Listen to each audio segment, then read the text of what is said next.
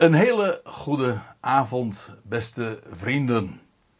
Het is vandaag 30 april 2020 en in plaats van in de Aker in Rotterdam de Bijbelstudie te geven zoals ik dat zo lang gewend was te doen, is het nu inmiddels de tweede keer dat ik een studie geef hier vanuit de studeerkamer in Rijnsburg. En dat is toch eventjes een hele andere ervaring. We gaan vanavond weer verder, eigenlijk voor de tweede keer, over het thema waar ik de vorige keer dus ook over sprak. De vrouw en de draak. En dat is een onderwerp dat zo benoemd en beschreven wordt in Openbaring 12. En dat is buitengewoon fascinerend, zoals dat trouwens geldt voor heel het boek De Openbaring. Niet alleen maar omdat het uh, allemaal dingen betreft en die beschreven worden die in de nabije toekomst, in de zeer nabije toekomst, allemaal hun beslag zullen gaan krijgen.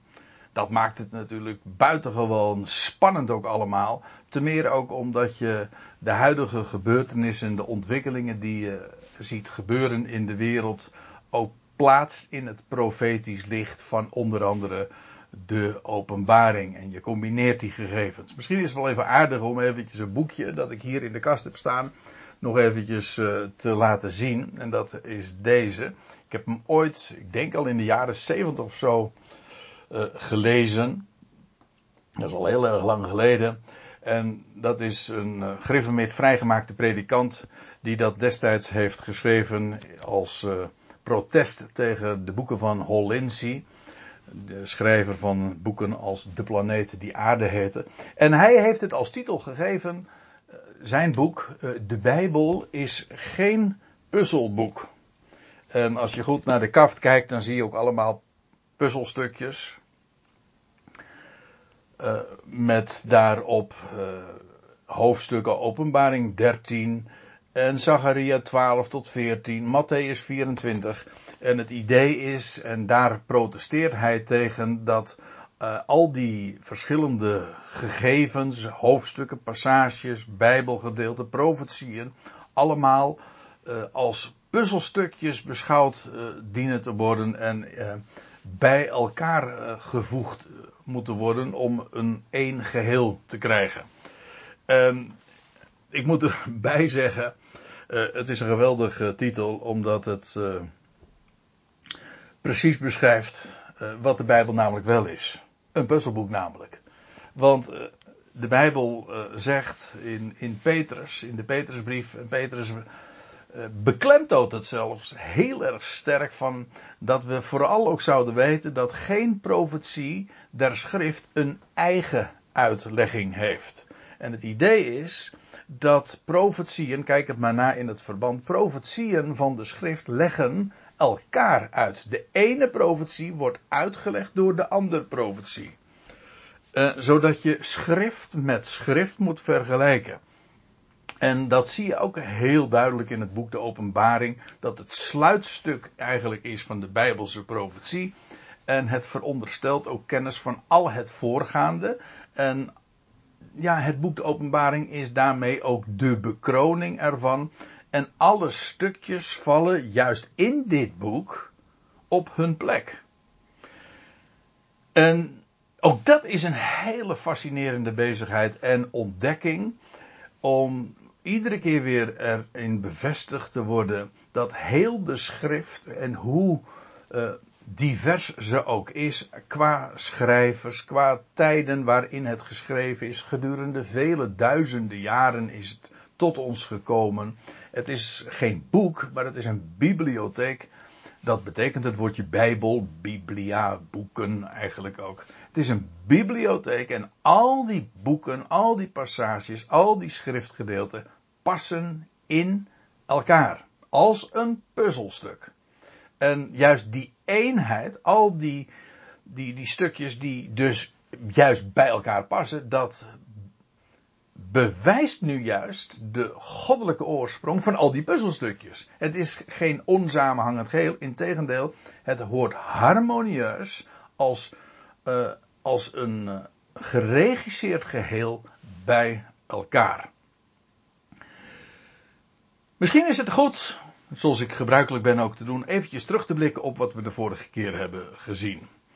En dan dat waren eigenlijk maar een, een, zevental versen die we toen besproken hebben. In symbolische taal wordt in hoofdstuk 12 van Openbaring een beschrijving gegeven van Israël. Met het teken, want zo wordt het eh, in dat hoofdstuk ook genoemd, een teken dat hij ziet in de hemel. Een teken uh, van Israël en die wordt voorgesteld als de vrouw. Het gaat niet over een letterlijke vrouw, het gaat niet over Maria, het gaat ook niet over de kerk. Nee, het gaat over het volk van Israël. Blijkt trouwens ook wel uit de wijze waarop, waarmee het geassocieerd wordt, namelijk met de zon, de maan, de sterren. En van ouds is dat al in de familie van Jacob een bekend beeld van, ja, uh, het hele huis van Jacob. Dat uh, heb ik de vorige keer ook laten zien. Afijn, uh, daar wordt dus beschreven een, de vrouw die een een mannelijke zoon voortbrengt. En over puzzelstukjes gesproken, die mannelijke zoon, daarvan wordt gezegd dat hij degene is, hij degene is die de natieën zou hoeden met een ijzeren staf. En dat verwijst dan weer, de Bijbel is een puzzelboek, jazeker. Openbaring 12 verwijst daarmee naar Psalm 2. En daar wordt dat ook beschreven, dat de zoon degene is, de Christus, die uh, de natieën zal hoeden en regeren. Uh, waarbij ik trouwens moet aantekenen dat zowel die vrouw een volk voorstelt als ook die mannelijke zoon, want het is Christus.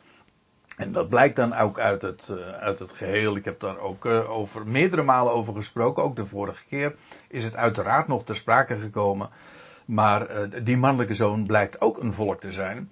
En voor degenen die vertrouwd zijn met Paulus' brieven, die, daarvoor hoeft het niet al te moeilijk te zijn wie de Christus is. Namelijk dat is hoofd en lichaam.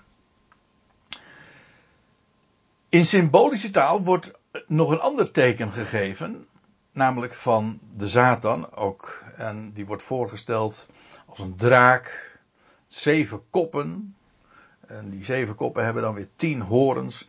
Nou ja, uh, Satan, de tegenstander, wordt beschreven in zijn eindtijdelijke gedaante. Dat wil zeggen, in de laatste fase van deze aion, van dit wereldtijdperk, zal de tegenstander zich zo mondiaal gaan presenteren.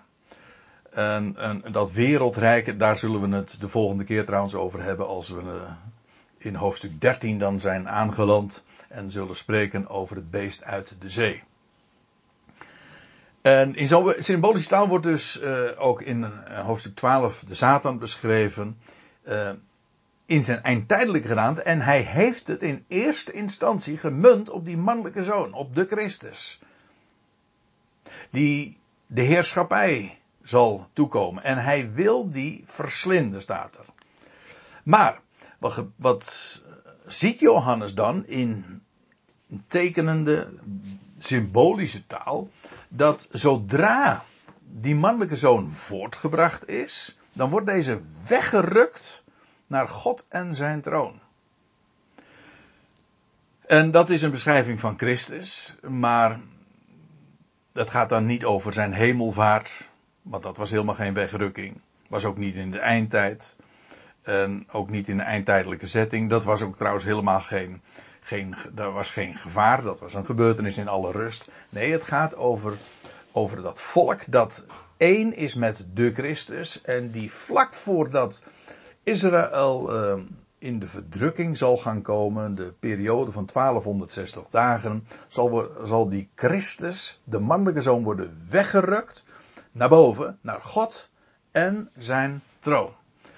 En wat er dan gebeurt is dat die vrouw linea recta vlucht naar de plaats, eh, naar de woestijn. En daar is een, van Gods wegen haar een plaats bereid. Daar uh, mag ze schuilen en daar wordt ze behoed en gevoed gedurende een periode van 1260 dagen.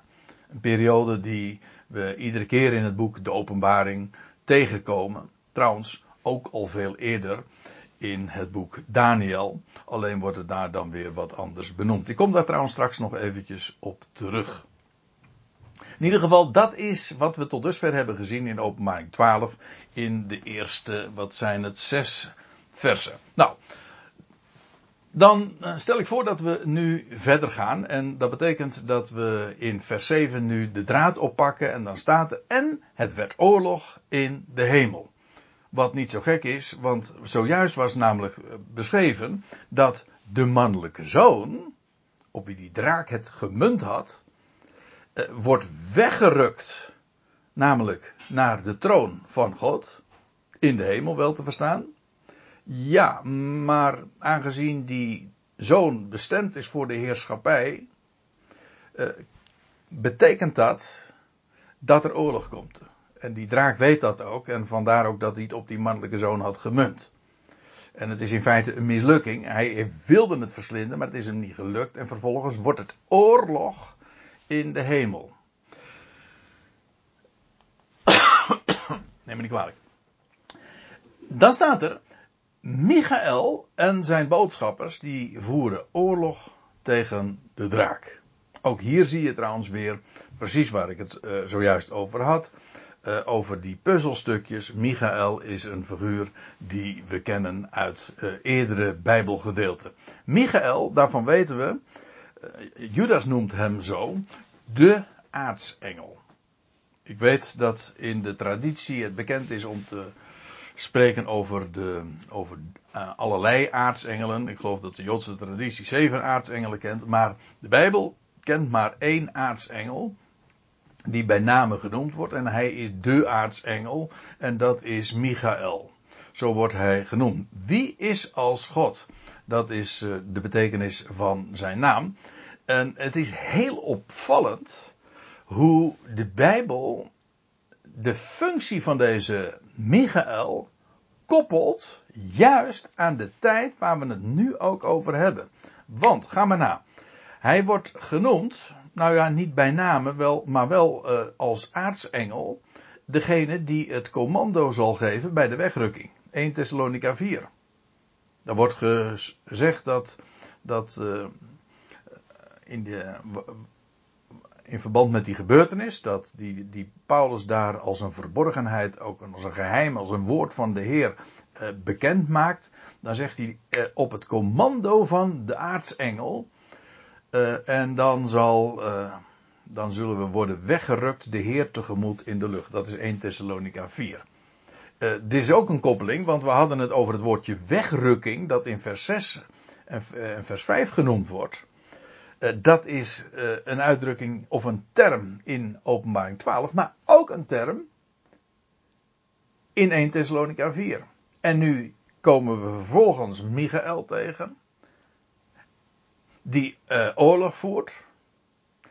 Maar dat is ook weer precies die aartsengel die ook het commando gaf voorafgaand aan de wegrukking. Dat is heel eigenaardig.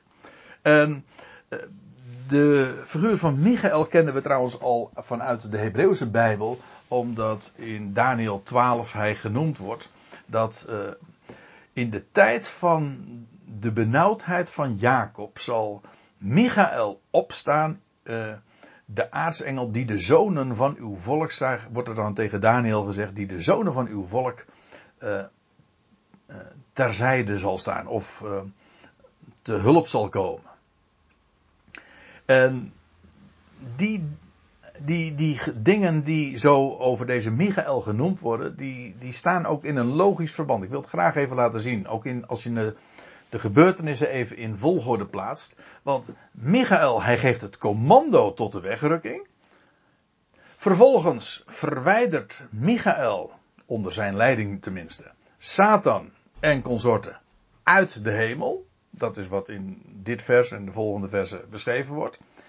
En vervolgens neemt Michael het op voor een gelovig Israël, ook weer in strijd met, in conflict met de draak, de Satan, of uh, hoe je hem ook maar noemen wilt, de tegenstander dus. Dus hij geeft het commando, dat is voorafgaand aan de 1260 dagen uh, het commando voor de wegrukking. Vervolgens uh, per direct komt er een oorlog en Satan moet zijn plaats afstaan in de hemel. En uh, wordt hij naar beneden op aarde geworpen. En vervolgens gaat Michael het een etage lager, namelijk op aarde, opnemen voor het geloof, voor een gelovig Israël. En dus ook weer tegen de tegenstander. Dat, daar zit een, een logische connectie tussen deze drie gegevens in. Ook hier weer zeg ik, de Bijbel is echt wis en waarachtig een puzzelboek. Michael en zijn engelen en zijn boodschappers die voeren oorlog tegen de draak, die daar dus in de hemel is. En er staat erbij ook de draak en zijn boodschappers die voeren oorlog. Ja, want dat, dat klinkt erg logisch natuurlijk. Want ja, als de een oorlog voert met de ander, dan voert de, de ander oorlog met de een. Uh, toch zit er hier uh, iets meer achter. En dat is dat die draak namelijk iets te verliezen heeft en dat niet wil verliezen. Je kan namelijk ook meteen capituleren. Uh, als je wordt aangevallen. Maar dat doet de draak niet. Hij voert oorlog. Hij wil zijn plaats daar in de hemel behouden. En vandaar dus die, die oorlog die hij dan vervolgens uh, ook voert met zijn personeel, met zijn uh, boodschappers tegen Michael en, uh, zijn, en zijn boodschappers. Dat conflict, dat is een oorlog dat ontstaat in de hemel zodra die mannelijke zoon is weggerukt tot God en zijn troon. En dan staat er in vers 8, en hij, dat is dus de, de draak, is niet sterk. Dat wil zeggen, hij is niet sterk genoeg. Hij kon, zegt de NBG-vertaling, geen stand houden. En van vervolgens staat er, en zijn plaats werd dus in de hemel niet meer gevonden. Hij moet zijn plaats in de hemel afstaan. Wat trouwens iets uh, betekent, dat is de logische consequentie, als die straks zijn plaats moet afstaan. Nadat de mannelijke zoon is weggerukt tot God en zijn troon. Dan betekent dat dat tot aan uh, die wegrukking. de draak nog steeds daar in de hemel dus bivakkeert. En dat is ook precies, en dat weten we ook uit de brieven van Paulus, die ook inderdaad beschrijft dat wij nu ook hebben te strijden tegen de overheden en de machten uh, van de duisternis. Uh, die vanuit de hemelse gewesten het gemunt hebben op ons. Nou ja, dat is niet zozeer omdat wij tegen hen strijden, zij strijden tegen ons. Wij staan gewoon vast. Wij, ho wij hoeven dit ook niet te veroveren. Uh, die positie is gewoon al een gegeven. Maar die overheden en die machten die er, die straks uh, het veld moeten gaan ruimen, die hebben het nu op ons gemunt. En eigenlijk, als je daar even over doordenkt, begrijp je ook waarom ze tegen ons strijden. Wij zijn namelijk hun rivaal. Het komt erop neer dat zij nu een positie in de hemel daar nog hebben. Overheden, machten, het voor de lakens uitdelen. En zij weten ik denk wel eens een keer beter dan menig gelovigen. Zij weten dat uh, straks het gedaan is met die positie en dat zij uit de hemel geknikkerd worden. Om het even heel oneerbiedig te zeggen. En vandaar ook dat zij het op ons hebben gemunt. Wij zijn hun rivaal. Dat weten zij donders goed. Afijn, Zodra dus de mannelijke zoon daar in de hemel is, ontstaat er oorlog en uh, Michael en zijn boodschappers met succes strijden ze tegen die draak en uh, de draak en zijn consorten die, uh, die blijken niet sterk genoeg en zij worden in, de, in de hemel niet langer aangetroffen. En de grote draak werd uitgeworpen. Dat wil zeggen, naar beneden, uit de hemel geworpen. En dus komt hij automatisch, dat is de Bijbelse gedachte, op de aarde terecht. En eigenlijk is dit de eerste fase van zijn val. Want het gaat steeds dieper als je het in het boek De Openbaring bekijkt. Overigens, ik moet er even bij zeggen. Eh, de val van Satan uit de hemel, dat is een bijbels gegeven, maar ik moet er meteen even iets bij zeggen. Dat is een toekomstig gebeurtenis. Ik weet, in de theologie is het ook bekend dat men uh, speculeert over een val van Satan ooit in het verleden, die ooit een Lucifer was, een lichtdrager en daarna uh, Satan zou zijn geworden. Dat wordt dan gebaseerd op allerlei teksten die daar helemaal niet over gaan. Maar goed, uh, nee, de Bijbel zegt gewoon, uh, hij zondigt. Van de Satan wordt dat gezegd. Hij zondigt van den beginnen. Punt. hij is de slang die, de slang die van God, door God gemaakt is. Ja, dat is een onderwerp apart. Dat laat ik nu even rusten. Maar als we het hebben over de val van Satan, dan hebben we het over een toekomstige gebeurtenis. Dat is trouwens fase 1. Want de volgende fase is dat hij. Uh, dus fase 1, dat hij uit de hemel op de aarde komt. Vervolgens komt hij op de aarde, waar hij nog een hele korte tijd uh, heel veel uh, kwalijk werk zal verrichten. Het zijn de laatste stuipen. En dan vervolgens, als het echt aan het einde van deze aion, wordt hij gebonden en in de afgrond geworpen. En bovendien wordt die afgrond dan nog eens een keertje afgesloten. Ook, en gedurende duizend jaren zal hij niet in staat zijn om de volkeren van deze wereld te, te verleiden. Uh, uiteraard is dat een toekomstige gebeurtenis. En ook dat wat ik nu zeg is in de theologie omstreden. Dan zegt men, ja maar dit is Giliasme. Inderdaad, dit is Giliasme. Die duizend jaren zijn toekomstig om de heel simpele reden. Satan is nu wel degelijk in staat om de volkeren te verleiden. En ik zou zeggen, kijk om je heen en je weet het. In de de, het typerende van de duizend jaren is juist dat hij daartoe niet in staat zal zijn. Uh, dan is hij dus in de afgrond. En uh, er komt trouwens nog een fase. En dat is dat hij na de duizend jaren uiteindelijk, nadat hij een korte tijd is losgelaten, nog in het meer van het vuur zal worden geworpen. En dat is in feite het einde van Satan. Dat wil zeggen van hem als Satan, als tegenstander. Als hij daaruit komt, dan is hij in ieder geval geen Satan meer, geen tegenstander of diabolos meer.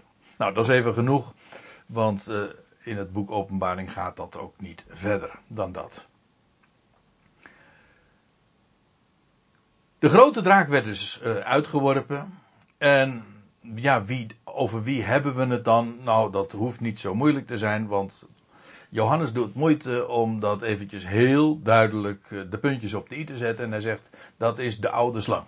Die draak, die hier beschreven wordt als draak met die zeven koppen. Uh, dat is dezelfde als de oude slang. De slang van oudsher, de oerslang. De slang die we kennen vanuit het boek Genesis. Die uh, ooit met die gespleten tong sprak tegen de vrouw en in de hof van Ede ook was. Over hem hebben we het dus. En hij heet ook de Diabolos. Ons woord duivel komt van dat woordje Diabolos. En Diabolos ik hou er altijd van om dat uh, gewoon letterlijk te lezen.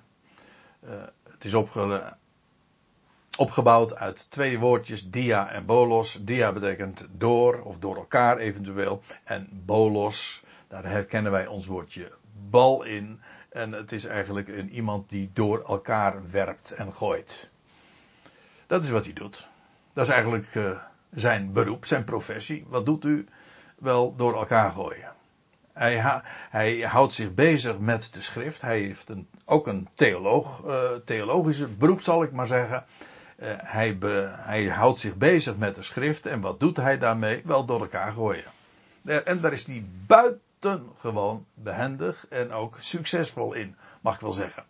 Uh, in die functie is hij trouwens ook nog eens een Satan. Dat is dan weer het, een Hebreeuws woord. Diabolos is Grieks. En Satan is weer Hebreeuws en Satan betekent tegenstander. Wel, dat zijn allemaal aanduidingen van het figuur, dat sinistere figuur waar we het nu over hebben.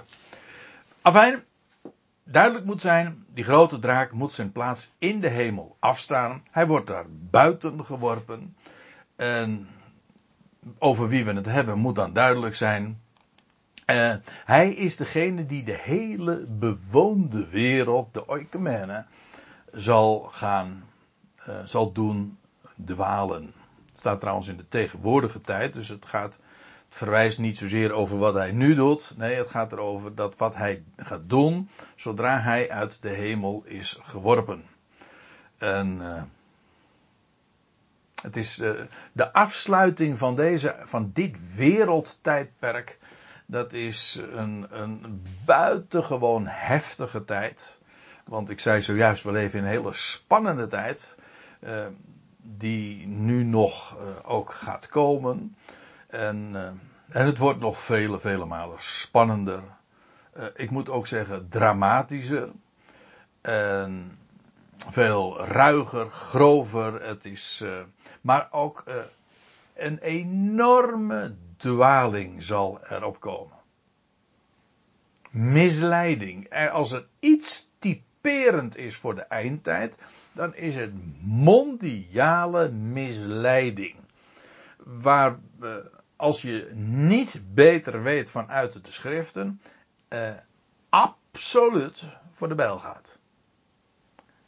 Wel, deze slang die zal de hele bewoonde wereld doen dwalen.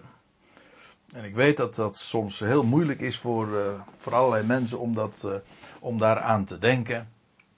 Want ja, uh, zou iedereen het dan allemaal mis hebben? Dat is toch eigenwijs en dat is toch hoogmoedig om te denken. En, uh, maar uh, dat is nu precies ja, de, de strijd van degenen die leven in, in met name die tijd die dan nog gaat komen als de diabolos op aarde geworpen zal worden.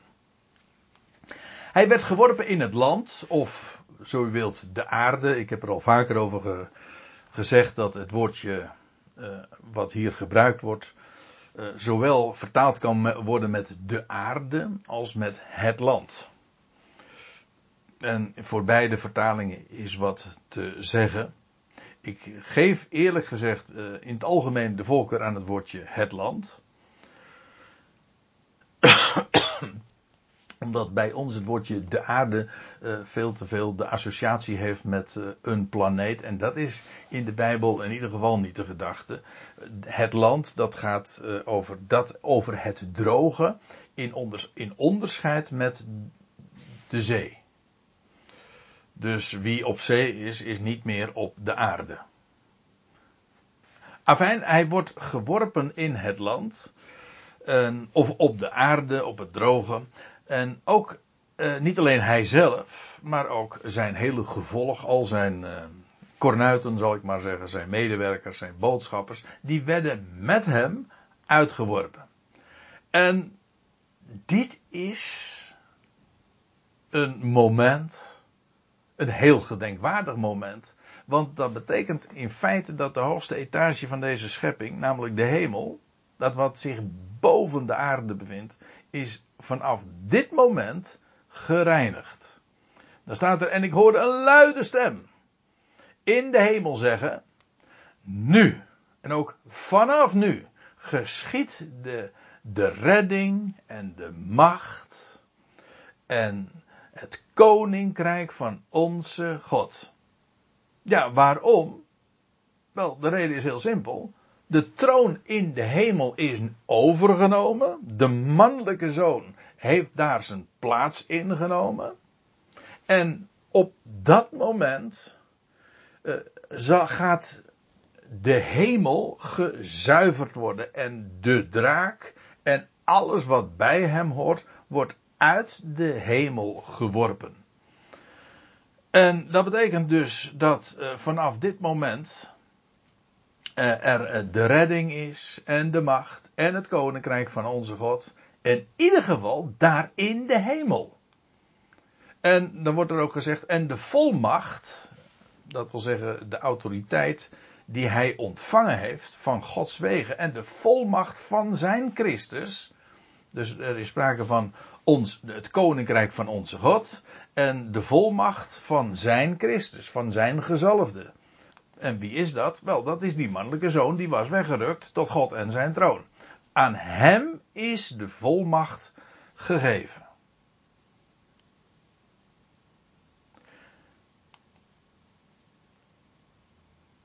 En dan uh, heeft dat ook als uh, consequentie, uh, wat er in het vervolg van vers 10 staat, want de beschuldiger van onze broeders, en daarmee ook de tegenstander van Israël, het, het kanaal waardoor, waarvan God zich bedient, het medium waarmee hij ook de wereld wil gaan zegenen, wel, de, de beschuldiger van onze broeders, de Satan namelijk, die, uh, die hen dag en nacht beschuldigde voor onze God. want ja, tot op dit moment is hij daar ook nog in de hemel. En, en, en is daar ook de overste van de macht van de lucht. Wel, dan gaat, moet hij zijn plaats afstaan. En dan is hij dus uit de hemel geworpen.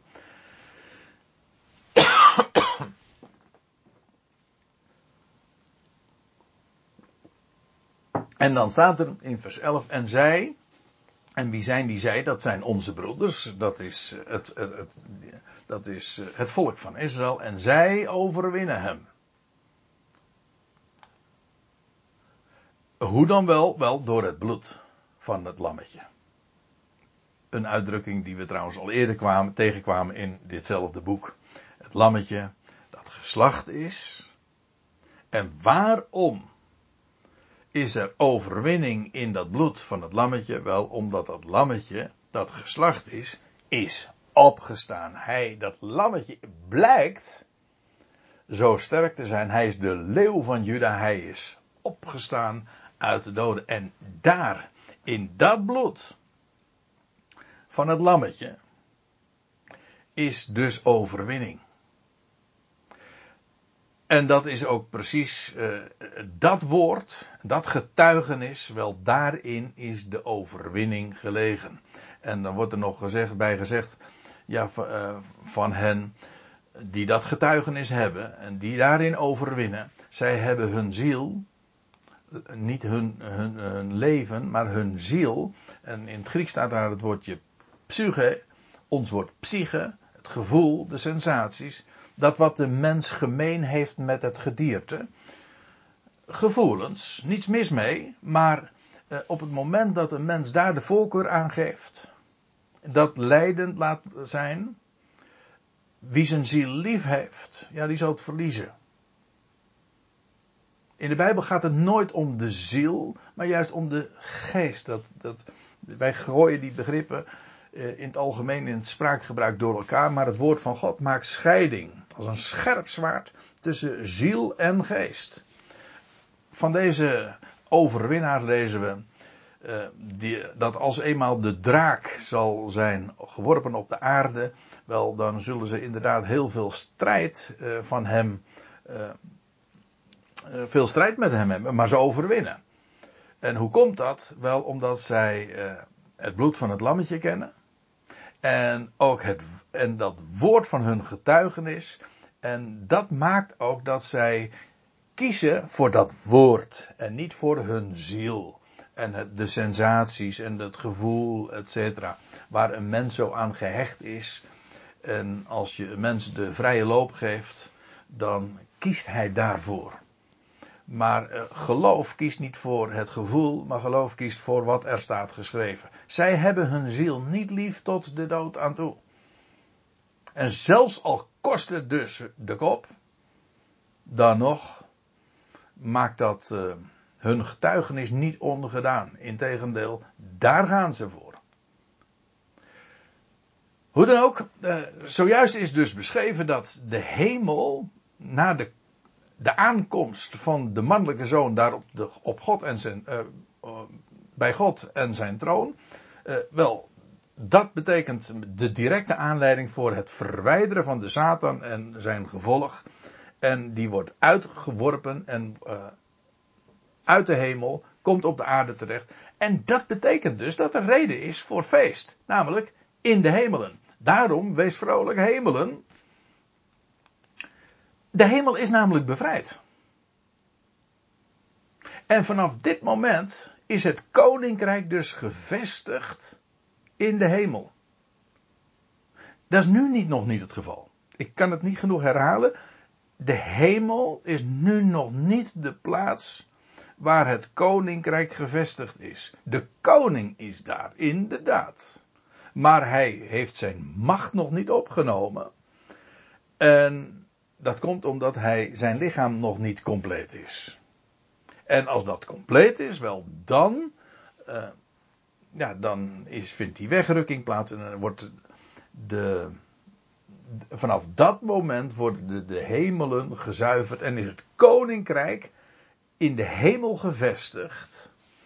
En ja, dan zal er trouwens ook op de aarde dat gebed, uh, ja, niet populair, maar wel uh, zeer ter zake worden. Namelijk het Onze Vader. Dat is geen formuliergebed voor ons vandaag. Nee, dat is een heel concreet gebed dat juist ook past in die tijd. Dan zal men bidden, u wil geschieden gelijk in de hemel, alzo ook op de aarde. Want vanaf nu, vanaf de aankomst van die mannelijke zoon, zal Gods wil gaan geschieden in de hemelen. Nu nog niet, maar dan wel. En dan zal het ook ter zake zijn om te zeggen en te bidden en te danken en te zeggen, uw wil geschieden zoals in de hemel, wel dan ook op de aarde. En ja, dat is eigenlijk ook precies de tijd waar eh, het boek de openbaring over gaat, namelijk dat Gods wil ook gestalte gaat krijgen op aarde. Maar het begint dus in de hemel, altijd daarboven op het hoogste niveau. Het is eigenlijk top-down. Eerst in de hemel wordt het gevestigd en vervolgens komt het op aarde. En dan wordt het, komt het ook niet zomaar op aarde, maar dan wordt het eerst uh, in Israël en vervolgens over de volkeren wordt het uitgebreid. Dus het gaat allemaal gefaseerd, stapsgewijs. Daarom wees vrolijk hemelen en die daarin als in een tent wonen. De hemel wordt namelijk altijd voorgesteld als een, eh, als een uitspansel, zo wordt het ook genoemd. Een uitgespannen tent. Het werkwoord wat hier gebezigd wordt is eigenlijk ook letterlijk die daarin tabernakelen. En al degenen die daar wonen, die hebben reden om, om een feest te vieren. Want uh, het is bevrijdingsdag. In de hemel, hè? Ja, in de hemel. Want uh, let op het grote contrast in, hier in vers 12. Daarom weest vrolijk hemelen en die daarin als in een tent wonen. Maar er staat er meteen achter, wee het land. De aarde, het droge en de zee. Twee terreinen trouwens die in hoofdstuk 13 opnieuw weer uh, nogal pontificaal uh, genoemd worden. Want dan is daar een beest uh, uit de zee. En dan is daar een beest uit het land. Maar hoezo wee het land en de zee? Wel, er staat erbij, het wordt, aan, uh, het wordt ook aangetoond of uh, verklaard. Want de diabolos, de draak, de oude slang, de Satan, die daalde tot jullie neer in grote woede, wetende dat hij een korte tijd heeft. Korte periode nog heeft. Dus terwijl er reden is voor een feest in de hemelen, omdat de hemelen bevrijd zijn, gaat het hier op aarde gigantisch tekeer. En te midden van Ja, als je land en zee hier figuurlijk neemt, uh, wat kan, uh, zowel de letterlijke als de figuurlijke betekenis uh, is ter zake. Maar als je. Er zal een, een, een gigantische, heftige periode aanbreken in Israël, in het land, maar ook in de Volkerenzee. Hoezo? Wel, de Diabolos, die is nu tot jullie neergedaald. Tot dusver was hij daar in de hemelen en deelde daar uh, tot op zekere hoogte de lakens uit, de overste van de macht der lucht. Maar dan is hij concreet op de aarde en gaat hij zich trouwens ook manifesteren in de mens van de wetteloosheid, in dat beest. Die beide beesten trouwens. Maar hij weet, nu hij zo vernederd is, letterlijk, eh, dat hij nog maar een hele korte tijd heeft en daarom is hij in grote woede. Waarom is hij in grote woede? Wel, hij heeft een nederlaag geleden. Letterlijk, want hij is vernederd. En bovendien, hij had het gemunt op die mannelijke zoon.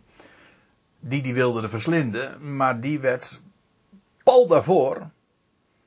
Uh, als het ware uit zijn muil gered. En uh, weggerukt. En dat is een nederlaag. En nu uh, probeert hij alsnog. Een kat in het nauw doet rare sprongen. Wel, dat is met deze, deze draak ook het geval. De Diabolos.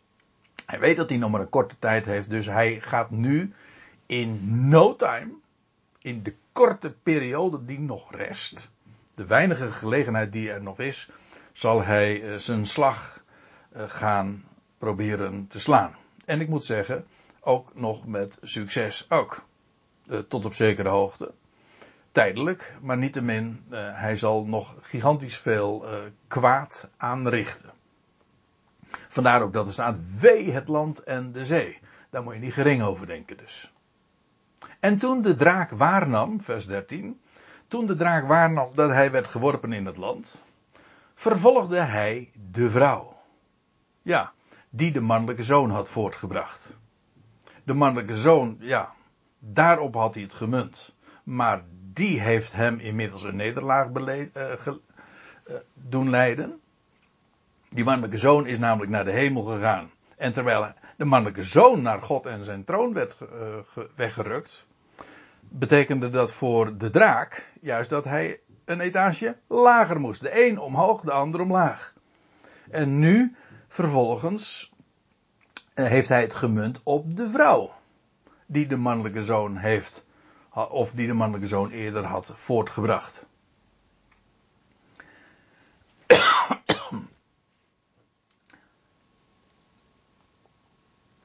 En aan de vrouw staat er dan, werden gegeven twee vleugels van de grote adelaar. Opdat ze in de woestijn, opdat ze de woestijn eh, in zou vliegen. We hadden al uh, vernomen in, in vers 5 en 6 dat die vrouw inderdaad zou vluchten naar de woestijn. En hier wordt daar iets meer over gezegd in beeldende taal. En haar werden twee vleugels van de grote adelaar gegeven. Het idee hier is, en de taalgebruik herinnert heel sterk aan de verlossing destijds van, Egypte, uh, van Israël uit Egypte. Ook toen uh, was er sprake van een vlucht. Ook toen kwam men in de woestijn. En je leest in, in Exodus 19 dat, dat God zijn volk toespreekt. En dan zegt hij: uh, Jullie zagen wat ik deed aan Egypte. En dat ik jullie droeg op arensvleugelen. En jullie tot mij bracht. En wel, ik denk dat het die adelaarsvleugels zijn. Op, op een goddelijke wijze uh, kunnen ze vluchten naar de woestijn. En ze worden gedragen uh, als op arendsvleugelen. En zo komen ze daar in de woestijn uh, terecht. En ik moet er trouwens bij zeggen, vanuit andere schriftplaatsen weten we ook dat die vlucht maar uh, een korte tijd kan. Want uh, de heer Jezus spreekt daar ook over in de reden op de Olijfberg. Dat hij zegt van, ja, dat als jullie de, de, dat afgodsbeeld, de gruwel van verwoesting op de heilige plaats zien staan. Wie het leest geven er acht op, uh, zoals dat in Daniel wordt beschreven. Dan zegt hij van, maak dan, ik zeg nu even met mijn eigen woorden, maak dat je wegkomt. En zelfs als je nog iets vergeten bent mee te nemen, ga niet terug om het alsnog even te halen. Want dan is het echt vluchten voor je leven zo snel als mogelijk. Want daarna eh, zal het met recht zo zijn, vluchten kan niet meer. En eh, dan zal men vluchten naar de woestijn. Ik geloof dus naar dat gebied van Edom. We hebben het de vorige keer ook nog eh, over gehad. Het is een hele bijzondere plaats, want het is een plaats van Gods wegen bereid. Ik denk dat het te maken heeft met de stad Petra. Daar in, de, in het gebied van Edom en daarbij bij Bosra, die, dat zijn plekken die worden genoemd in het profetisch woord, op verschillende plaatsen trouwens ook. In ieder geval, daar, zou dus, daar zal eh, men een veilig onderkomen vinden. En dan staat er nog bij, uh, aan de vrouw werden gegeven twee vleugels van de grote adelaar, opdat ze de woestijn in zou vliegen, naar haar plaats waar zij zou worden gevoed. En ik had het zojuist even over de Bijbelse, of de connectie met de, de eerdere vlucht van Israël uit Egypte als op arendsvleugelen. Ze kwamen in de woestijn, maar vervolgens, wat lezen we, ze werden ook van Gods wegen gevoed door manna en door kwakkels. Eh, en het kwam allemaal van boven, ja, letterlijk. En straks zal de geschiedenis zich herhalen. Ik zeg niet dat daar weer manna zal vallen, dat weet ik niet, dat zou kunnen. Maar ze zullen daar ook weer van Gods wegen gevoed worden. 1260 dagen. Zonder dat men dus uh, oogsten binnenhaalt. Men wordt van bovenaf gevoed. En ik heb de vorige keer ook nog eventjes aangestipt dat mogelijk die mannelijke zoon zelf daar ook nog een rol in speelt. En er is een hele interessante aanwijzing voor. Uh, dat dus uh, de Christus, hoofd en lichaam, daarin ook zullen voorzien. Ik moet erbij zeggen, some way, somehow, want meer details kan ik daar niet over verklappen. Maar er zijn aanwijzingen in die richting. En zij heeft daar een plaats. En daar zal ze worden gevoed. Hoe lang? Wel, dat wisten we eigenlijk al. Hier wordt het alleen op een andere manier nog beschreven. het wordt genoemd tijd tijden en een halve tijd. Eigenlijk één tijd, twee tijden en een halve tijd.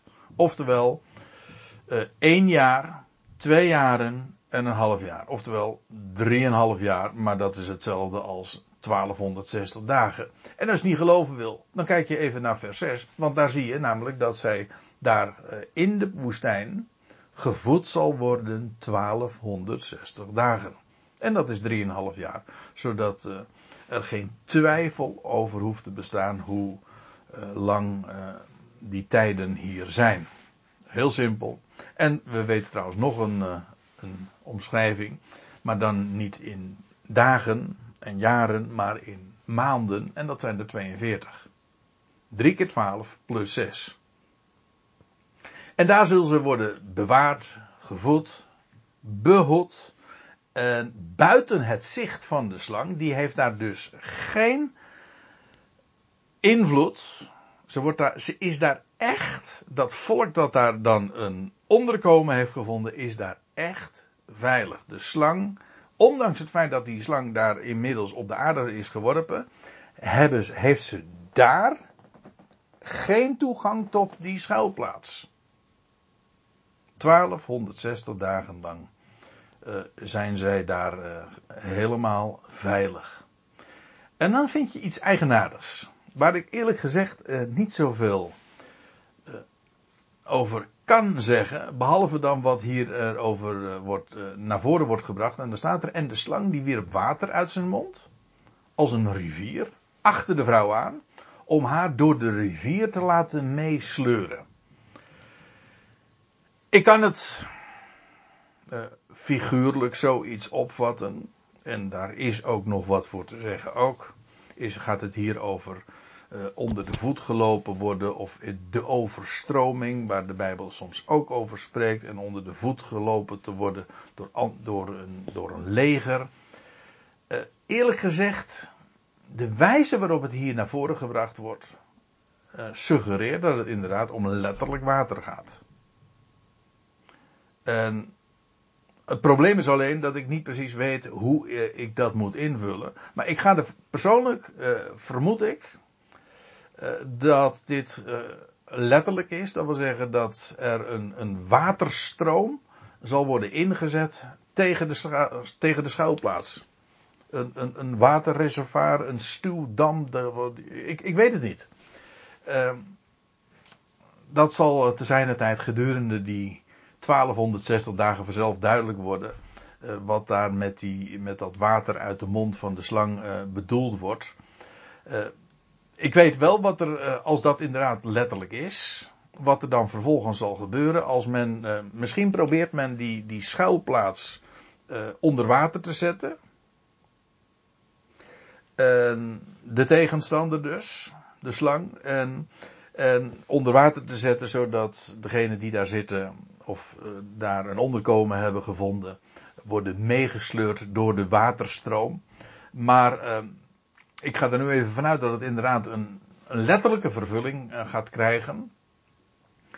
ik zeg het dus onder enig voorbehoud. Ik weet dat niet, ik weet dat niet zeker. Ik, ik vermoed dat. Ik vind dat trouwens ook in principe altijd de, de, uitleg die eh, de voorkeur verdient. En daarin word ik ook bevestigd in de wijze waarop het dan vervolgens in vers 16 beschreven wordt. En het land, of de aarde, die hielp de vrouw. En het land opende haar mond. Dat wil zeggen, er komt een waterstroom. Uh, die die schuilplaats onder water dreigt te zetten. En dan is het, uh, ja, wat, wat, wat kan daartegen gebeuren? Wel, de, het land, de aarde, die, die helpt. Want wat gebeurt er? Uh, ja, ik denk dus net als ooit in de dagen van Korach, Datan en Abiram, dat de aarde gewoon geopend wordt. Er ontstaat een, een enorme ja, kloof, een, een, de aarde scheurt en uh, al het water verdwijnt daarin. Zodat men toch veilig is. En de slang die probeerde uh, die schuilplaats onder water te zetten. Maar dat lukt haar niet. Omdat de aarde scheurt en het, al het water verdwijnt daarin. En het, vers, en, en het verzwolg de rivier. En uh, die de draak uit zijn mond wierp. Meer dan dit uh, kan ik er eigenlijk niet over zeggen. En TZT zal wel duidelijk worden hoe dit zijn beslag zal krijgen. En misschien, en dat zou ook nog kunnen, moet ik er ook even bij zeggen, dat het mogelijk is dat hier. dat er wel andere, dat er schriftplaatsen zijn die hier wel degelijk licht op werpen. Alleen die heb ik nog niet gezien. Of in ieder geval, ik heb ze nog niet zo daarmee in verband kunnen brengen. Eh, ik laat dat dus uh, gewoon maar even voor wat het is.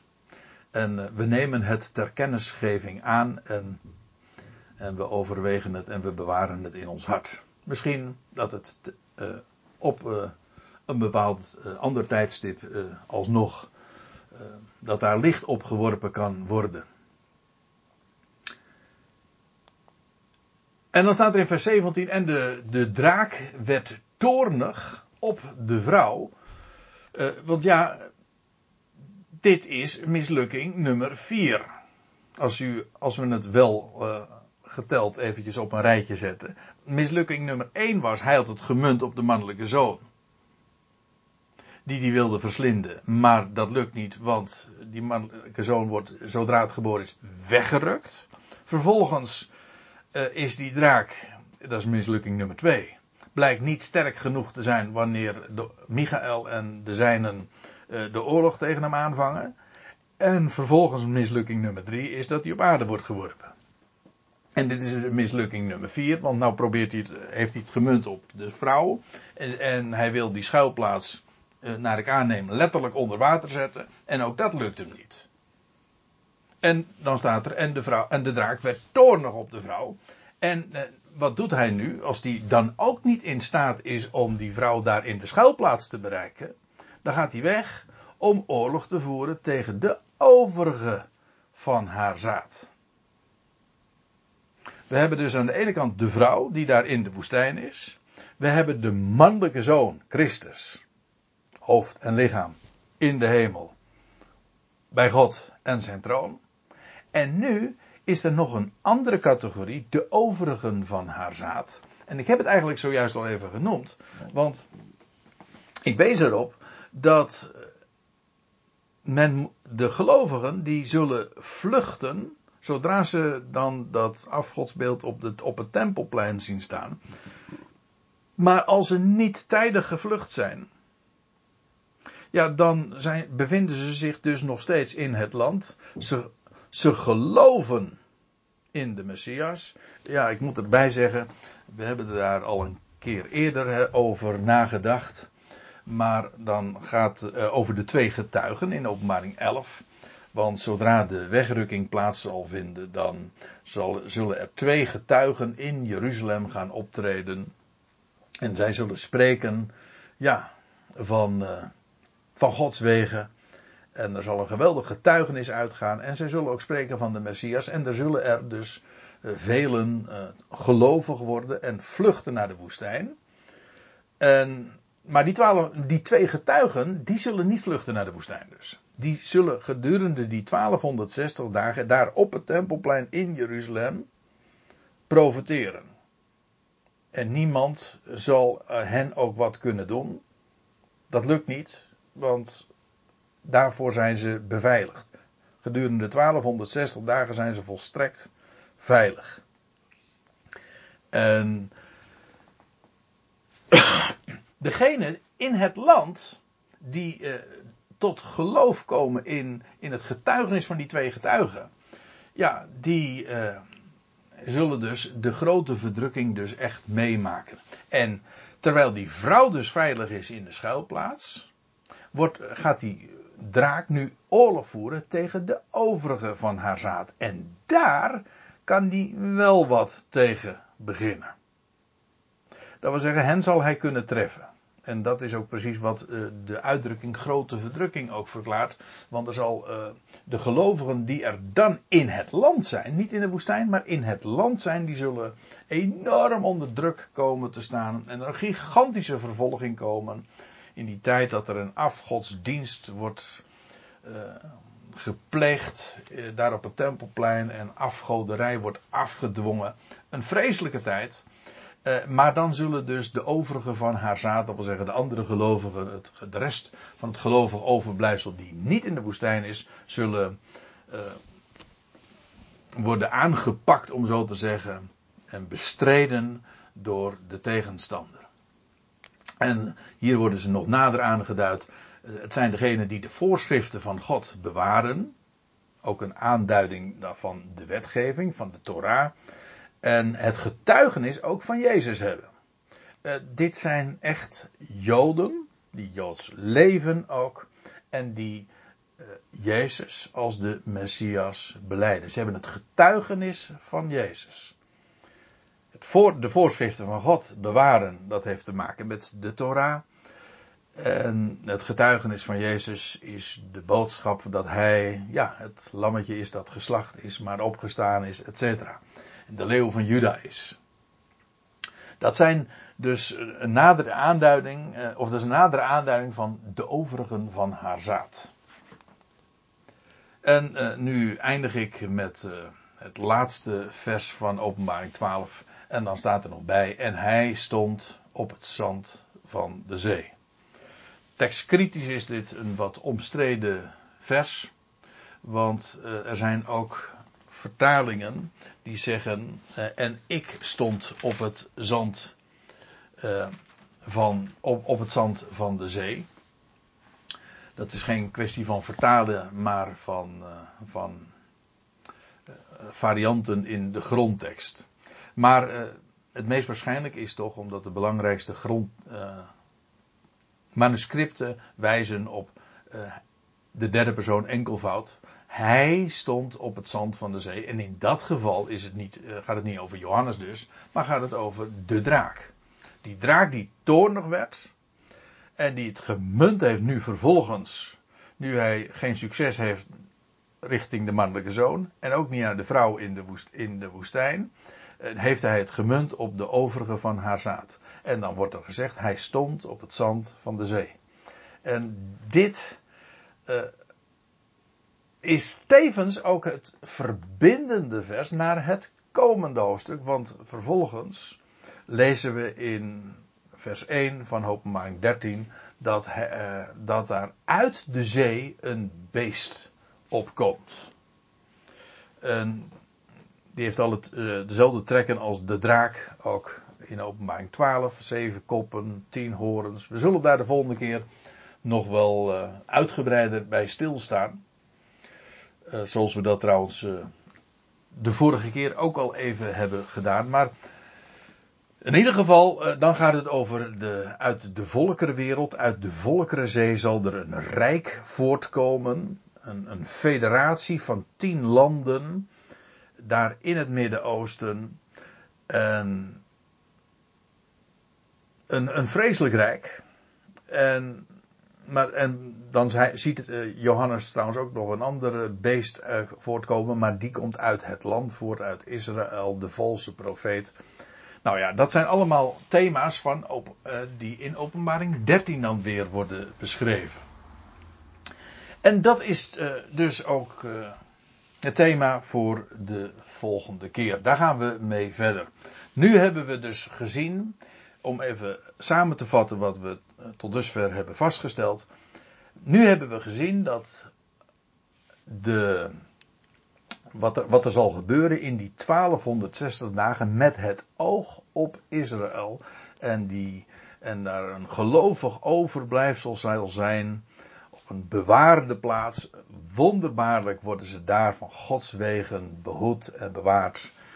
En tegelijkertijd ook die tijd dat de Satan zijn plaats zal hebben af, moeten afstaan in de hemel en op de aarde is terechtgekomen. En dan te bedenken, en uh, dat zeg ik dan uh, maar ter afsluiting. En dan te bedenken, en ik, waar ik mee begon, daar eindig ik ook mee. Dat nu, anno 2020. Nog tien jaar zijn er te gaan. En dan zijn er precies 2000 jaren verstreken sinds, het, sinds dat de Heer Jezus Christus ten hemel is gevaren. Wel, dat is zo markant. Deze dingen gaan binnen niet al te lange tijd allemaal hun beslag krijgen. We leven in zulke boeiende, maar ook beslissende tijden. En hoe belangrijk is het om te weten wat er staat geschreven en je daarop te oriënteren, want te midden van alle misleiding en duisternis die er in de wereld is, is er dat een absoluut betrouwbaar kompas. Daarvan kunnen we compleet en volledig aan. Ik dank jullie wel voor jullie aandacht en ik hoop jullie bij een volgende gelegenheid graag weer te treffen. En dan gaan we dus verder met openbaring 13. Tot ziens, God zegen en al het goede van boven.